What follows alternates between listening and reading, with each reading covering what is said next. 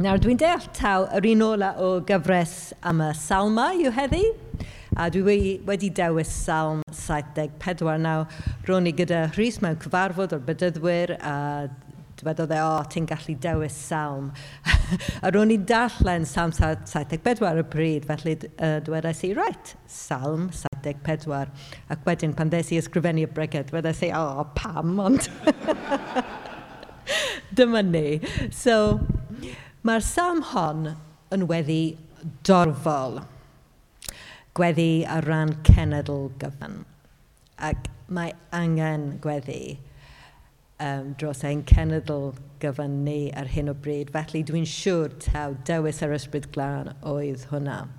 So, dyn ni'n mynd i'w darllen gyda'n gilydd um, ac bydd y geriau ar y sgrin. Nawr, dwi wedi y dewis fersiwn uh, Beibl Cymraeg Newydd nawr, ond yn hwyrach ar ôl y bregeth, dyn ni'n mynd i wneud myfyrdod a dwi'n mynd i ddefnyddio beibl.net, ond am nawr, dwi'n mynd i darllen gyda'n gilydd y geiriau ar y sgrin. Pam, ddiw, y bwriaeth ni ymaith am byth. Pam y magad y ddigofaint yn erbyn defaid dy borfa. Cofiad y gynulleidfa a brynaist gynt, y llwyth a waredaist yn etifeddiau ti ti, y mynydd seon lle roeddet yn trigo, cyfeiriad y draed at yr adfeilion bythol, dynistriodd y gelyn bopeth yn y cesygyr.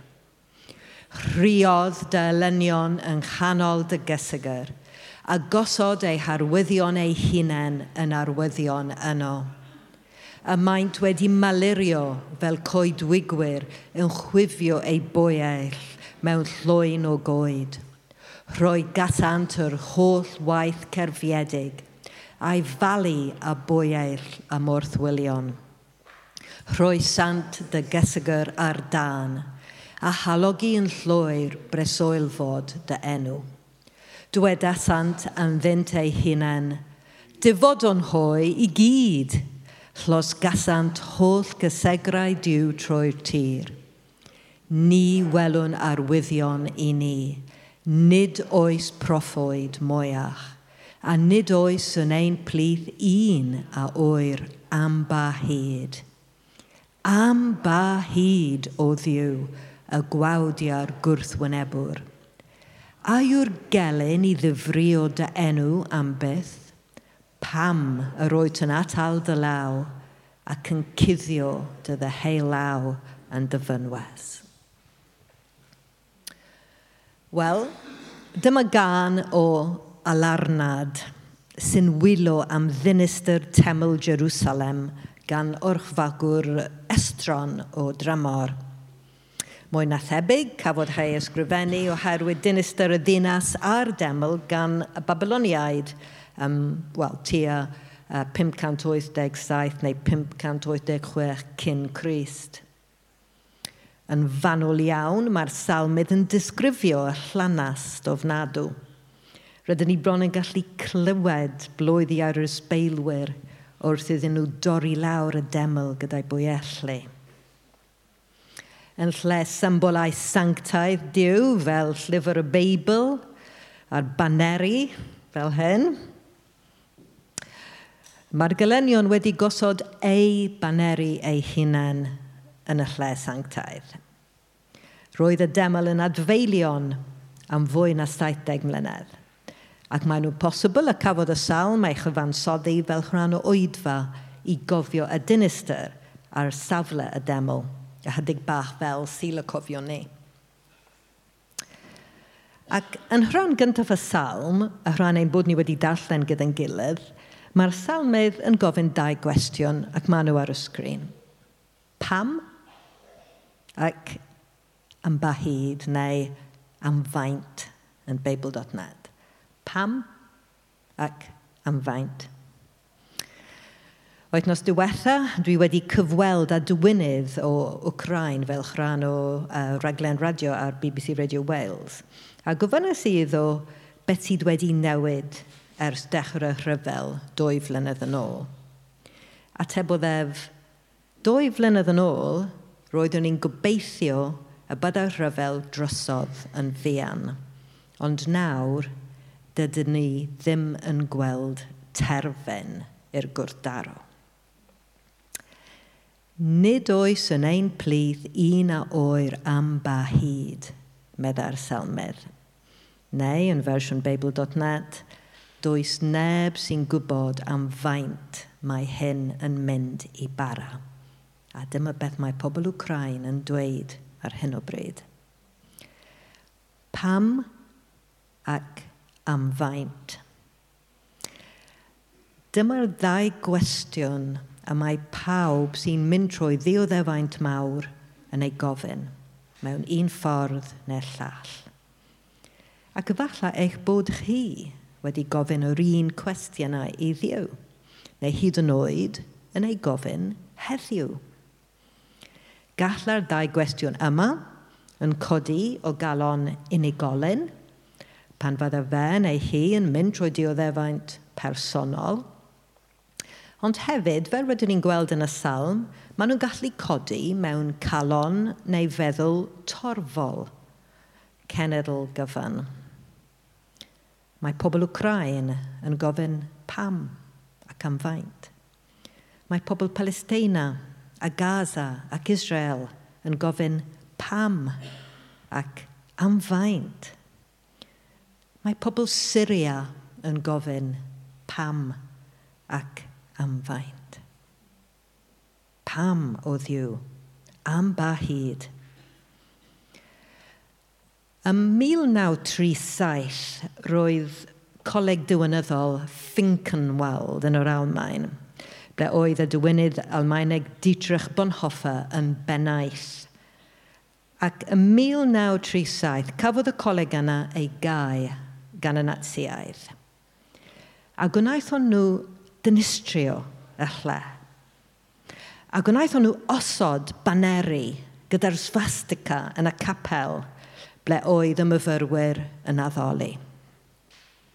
Wedyn, ym mis Ebrym 1938, derbyniodd pob gweinidog yn yr Almain o'r hymen ei dangu llw i Hitler i ddathlu penblwydd Hitler yn hanner cant.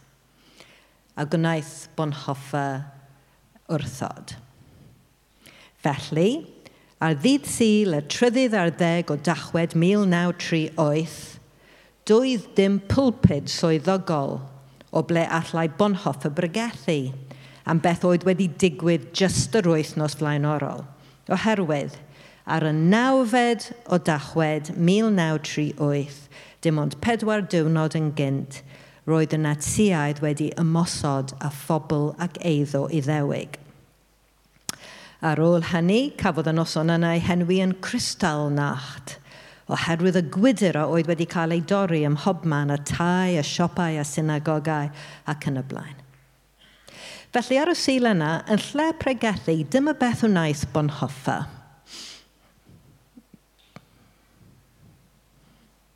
Cymerodd ei feibl, ac wrth ochr y rhan o Salm 74 ein bod ni newydd uh, darllen gyda'n gilydd, ysgrifennodd ef dyddiad. Naw Tachwedd 38. Ac mae'r llun ar y sgrin, so dyma llun go iawn uh, o Feibl Bonhoffa. Dyddiad Crystal Nacht. Pan fydd trychineb a dioddefaint mawr yn ein taro, mae'n anodd iawn i weddio. Ond gan ysgrifennu'r dyddiad erchill yna yn ei feibl, mae Bonhoeffer yn ein hadgoffa bod geiriau y Beibl yn gallu dod yn eiriau ni. Dywedodd er Eberhard, Eberhard Bethge, ffrind gorau Bonhoeffer, Apart from here, there is not a single note in Bonhoeffer's Bible giving a date or keyword for something contemporary or of political or family or personal importance. Ond efallai yna ar crystal Nacht, doedd dim geiriau hyd yn oed i un o ddiwynyddion mwyaf erioed. A phan does dim geiriau gyda ni, pan fydd ein meddwl a'n calon ni yn llawn cwestiynau, pam, am faint, rydyn ni'n gallu defnyddio geiriau y salmau i fynegu emosiynau dyfna ein calonau eiddiw. Gan nodi'r dyddiad ar ochr y salm, mae Bonhoeffer yn dweud, beth digwyddodd 600 o flynyddoedd cyn Christ yn digwydd unwaith eto heddiw. Oddiw, pam, am faint. Nawr, mae'r salmau yn wahanol i lyfrau eraill y Beibl. Dwi ddim yn siŵr os da chi wedi sôn am hynny uh, yn barod yn ystod y cyfres, ond yn y salmau, nid Dyw sy'n siarad â ni, ond ni sy'n siarad â Dyw. Yeah? So, dyma'r unig rhan o'r Beibl, really, ble mae dynion a merched, dynion uh, fel arfer, ond dynion a merched yn siarad â Dyw. Ond ar yr un pryd, dyn ni'n credu bod y salmau yn air diw. Ac mewn cynhadled yn 1935, mae Bonhoeffer yn ystyried y cwestiwn yma. How can the prayerful word of the church community, mae'n gofyn, simultaneously also be God's word? How can the words of men in the Psalms, men and women in the Psalms, simultaneously also be God's word? a'i geiriau pobl ofnus, pobl sy'n dioddef, neu eiriau diw sydd yna yn Salm 74. Wel, ymateb Bonhoffa oedd yr un ymateb y dwi yn eich cynnig heddiw. Mae rhaid i ni glywed llais Iesu yn siarad yn y salmau. Fel dyn, mae Iesu wedi uniaethu yn llwyr gyda holl ddioddefaint dynol. Roedd ei ddioddef antef yn un go iawn.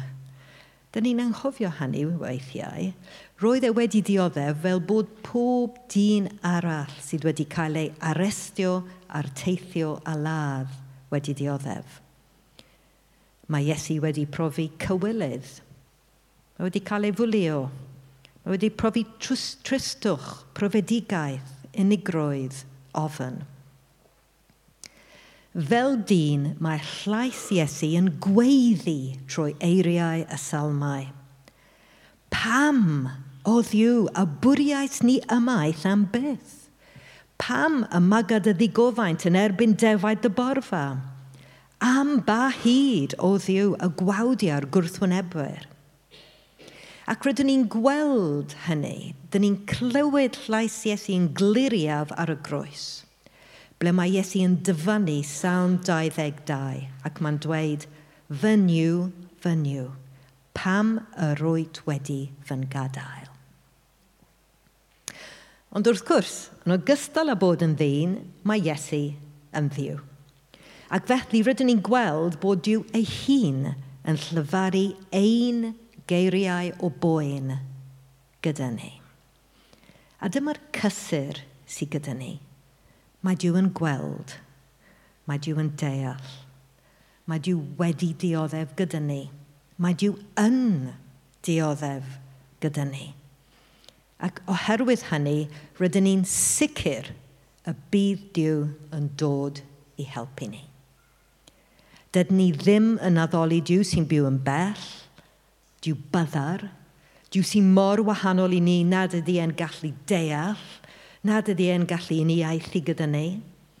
Rydyn ni'n addoli diw sydd wedi dioddef a hyd yn oed marw fel ni. Gwelodd Bonhoeffer y cyswllt clir rhwng Psalm 74 a Cristalnacht, ond mae Crisnogion ac Iddewon eraill tro'r bynyddoedd wedi defnyddio'r geiriau a'r emosiynau yn y salm yma i erfyn ar ddiw o Pearl Harbor i Hiroshima, o Vietnam i Iraq, o Ogledd Iwerddon i Syria, o Ukraine i Gaza, o Efrog Newydd ar 9-11 i Auschwitz, mae'r gwaedd yn codi. Pam? Am faint? Ac fel Cresnogion, dyma'r unig ateb sydd gyda ni. Rydyn ni'n clywed llais Christ yn ymuno a llais ni a gofyn yr un cwestiynau. Ai ymateb digonol yw hynny? Wel, does dim hawl i ni benderfynu. Mae rhaid i ni ofyn y bobl sy'n dioddef.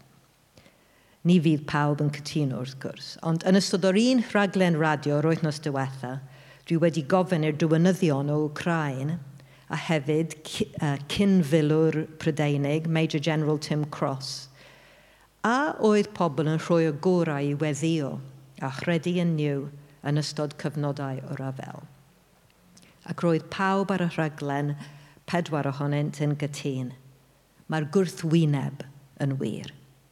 Dywedodd Tim Cross, Christ is in the blood and the mud. Christ is in the blood and the mud. Fel Cresnogion, pan fydden ni'n profi dioddefaint mawr, na llai fel unigolion neu fel cenedl, mae dau emosiwn sy'n ein achos i ni cymaint o boen. Yr emosiwn cyntaf yw'r ofyn bod Dyw yn ein cosbi. A'r ail yw'r ofyn bod Dyw wedi ein gwrthod, wedi cefnu arnom. Ond yn Iesu Gris, rydyn ni'n gweld Dyw sy'n gwneud y gwrthwyneb – Rydyn ni'n gweld Dyw sy'n dod yn agos a Tom ac yn rhannu ein dioddefaint, yn cymryd ein gweddiau angerddol ar ei enau ei hun. Dwi eisiau gorffen gyda'r stori hon un o fy hoff straeon. Yn yr unfed ganrif ar ddeg, cyfansoddodd dyn iddewig o'r enw Meir Ben Isaac Nehorau, gerdd. A nawddeg o flynyddoedd yn ddiweddarach, Cafodd y gerdd hon ei hael ddarganfod, ond nid mewn llyfr, ond ar waliau cell mewn mental asylum. Yn y dyddiau yna, roedd pobl gyda problemau meddyliol dyfrifol yn cael eu cael mewn celloedd tan fadden nhw'n marw. Ac roedd y dyn yn y gell yna yn iddew, ac roedd e'n gyfarwydd gyda geiriau cerdd nechorau. A dyma'r peth anhygoel. Mae'n amlwg iddo fe brofi presenoldeb a hariad diw yn y gell gyda fe. Hyd yn oed os yn sicr roedd ef hefyd yn gofyn pam ac am ba hyd. Oherwydd dyma geiriau'r gerdd a ysgrifennodd y dyn yna ar waliau ei gell. Could we, with ink, the ocean fill, and were the skies of parchment made, were every stalk on earth a quill, and every man a scribe by trade. To write the love of God above would drain the ocean dry, nor could the scroll contain the whole, though stretched from sky to sky. Could we with ink the ocean fill, and were the skies of parchment made? Were every stalk on earth a quill? and every man a scribe by trade. To write the love of God above would drain the ocean dry, nor could the scroll contain the whole, though stretched from sky to sky. Cymerwn funud o dawelwch nawr jyst i uh, fyfyrio yn beth ni wedi clywed ac wedyn dwi'n mynd i defnyddio gweddill y salm um, i'n harwain ni mewn myfyrdod bach. Ond jyst cyn hynny, jyst munud o ddawelwch i fyfyrio yn beth mae Dyw wedi dweud wrthoch chi yn ystod y bregeth o neu efallai beth dy hi eisiau dweud wrth Dyw nawr.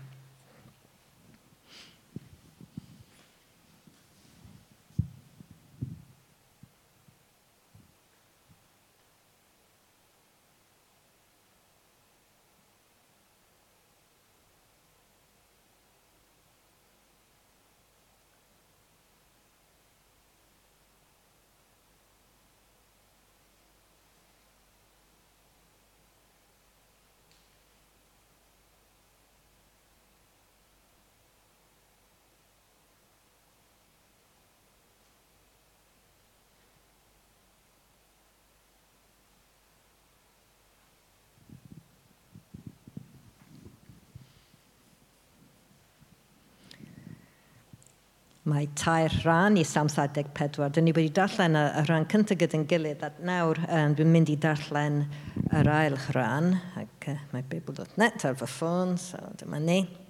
So dwi'n mynd i darllen o adnod uh, 12 i um, adnod 17 i ddechrau. A dyma rhan o'r salm sy'n dallu nerth diw. Felly, yn rhan cyntaf y salm, mae'r salmydd yn anobeithiol, really, ac mae'n gofyn i ddiw pam ac am faint. Ond wedyn mae, mae fel newid ychydig bach ac mae'n dechrau moli diw yn canol y salm. A dyn ni'n gweld hynny yn aml iawn yn y salmau. A dyn ni'n profi'r un peth pan dyn ni'n gweddio, ond ydyn ni. Uh, dyn ni'n teimlo yn isel, dyn ni'n dechrau gweddio, ac wedyn dyn ni'n teimlo'n well o falle, ac wedyn falle mae'r anobaith yn dod yn ôl. A dyma beth dyn ni'n gweld uh, yn y salm yma. Felly, adnod 12. O ddiw, ti ydy fy mrennyn i o'r dechrau. Ti ydy'r diw sy'n gweithredu ac yn achub ar y ddeiar. Ti yn dynerth wnaeth hollti'r môr Ti dralluodd benna'r ddraig yn y dŵr, ti sathrodd bennau lefiathan, a'i adael yn fwyd yn greaduriad yr alwch. Ti agorodd y ffynhonau ar y nentydd, y sachu llif yr afonydd. Ti sy'n rheori'r dydd a'r nos, ti osododd y lleiad a'r chael yn ei hle. Ti roedd o dymhorau i'r ddeiar, haf a geaf. Ti drefnodd y cwbl. Cydweddion. Diolch hwn i ti o ddiw am dy fawredd, am dy allu, dy nerdd. Diolch hwn i ti am harddwch dy greadigaeth ac am dy gariad di amod sy'n amlwg yn ni bob dydd o'n bywydau. A diolch i ti yn arbennig heddiw am ddod â Tom fel Iesu Grist yn hachub ni ac i rannu yn ein dioddefaint ac i orchfygu pechod a marwolaeth gan dy gariad ar, ar y groes.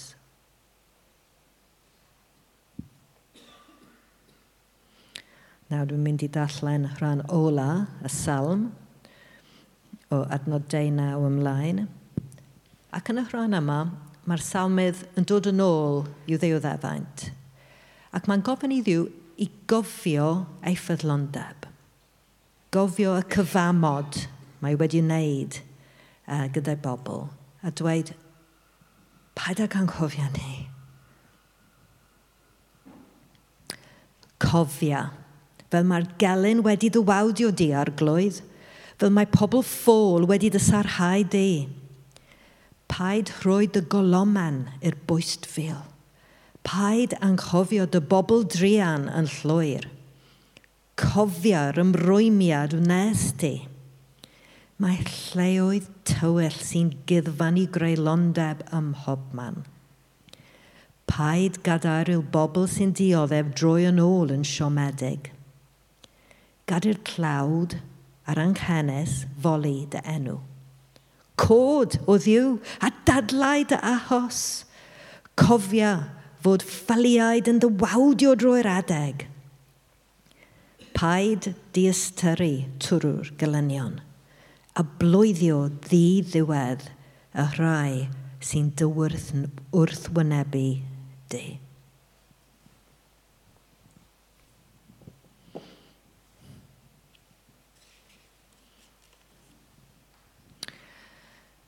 Arwel, oes modd i gael y sleid uh, gyda'r cwestiynau, please, just pam ac up ahead.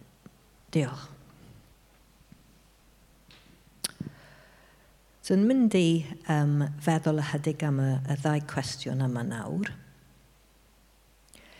A dyn ni'n mynd i cofio pobl sy'n gofyn pam a pobl sy'n gofyn am bahed. Dwi'n mynd i just um, ail adrodd hydig bach o'r uh, salm ac wedyn bydd mynd i just gadael uh, saib a croeso i chi gweddio yn uchel os chi eisiau os da chi'n meddwl am pobl sy'n gofyn pam, pobl sy'n gofyn am bahed, neu da chi'n gallu gweddio yn eich calon a he. Ond cofiwn y pobl yn y newyddion, cofiwn pobl yn ein cymunedau ni. Dwi ddim yn nabod pobl yn eich cymuned chi, ond byddwch chi'n nabod pobl sy'n gofyn y cwestiynau yma. Cyfalle da chi eisiau gofyn y cwestiynau yma iddiw um, ar eich rhan a hi eich gilydd, e, eich hunain. O ddiw,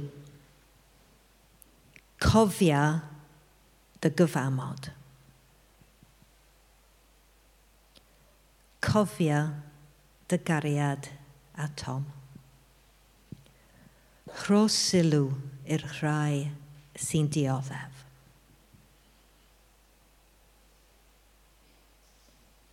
Yn ein teuluoedd ni,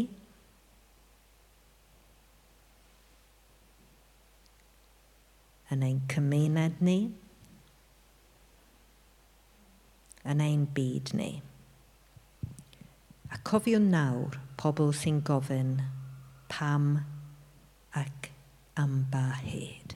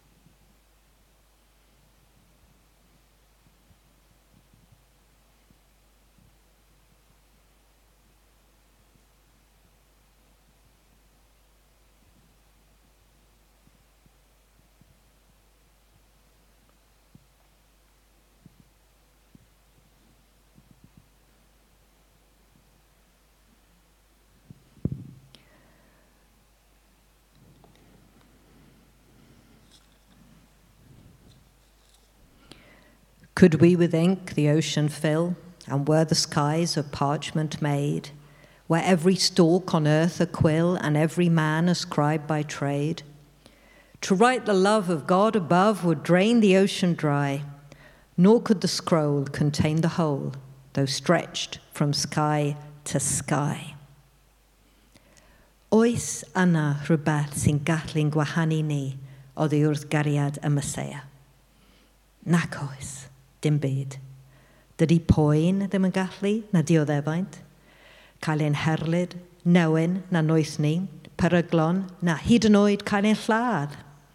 Dyn ni'n concro'r cwbl i gyd a mwy am fod y Mesoea wedi'n caru ni. Dwi'n hollol sicr fod dim byd yn gallu'n gwahanu ni oddi wrth ei gariadau. Dydy marwolaeth ddim yn gallu, na'r un profiad gawn ni mewn bywyd chwaith. Dydy angelion ddim yn gallu, na phwerau ysbrydol drwg. Dim byd yn y presennol nac yn y dyfodol.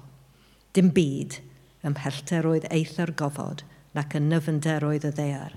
Na, does dim yn y bydysawd am y greodd diw yn gallu'n gwahanu ni oddi wrth gariad diw yn ein harglwydd ni, y Mesoea Iesu. Amen.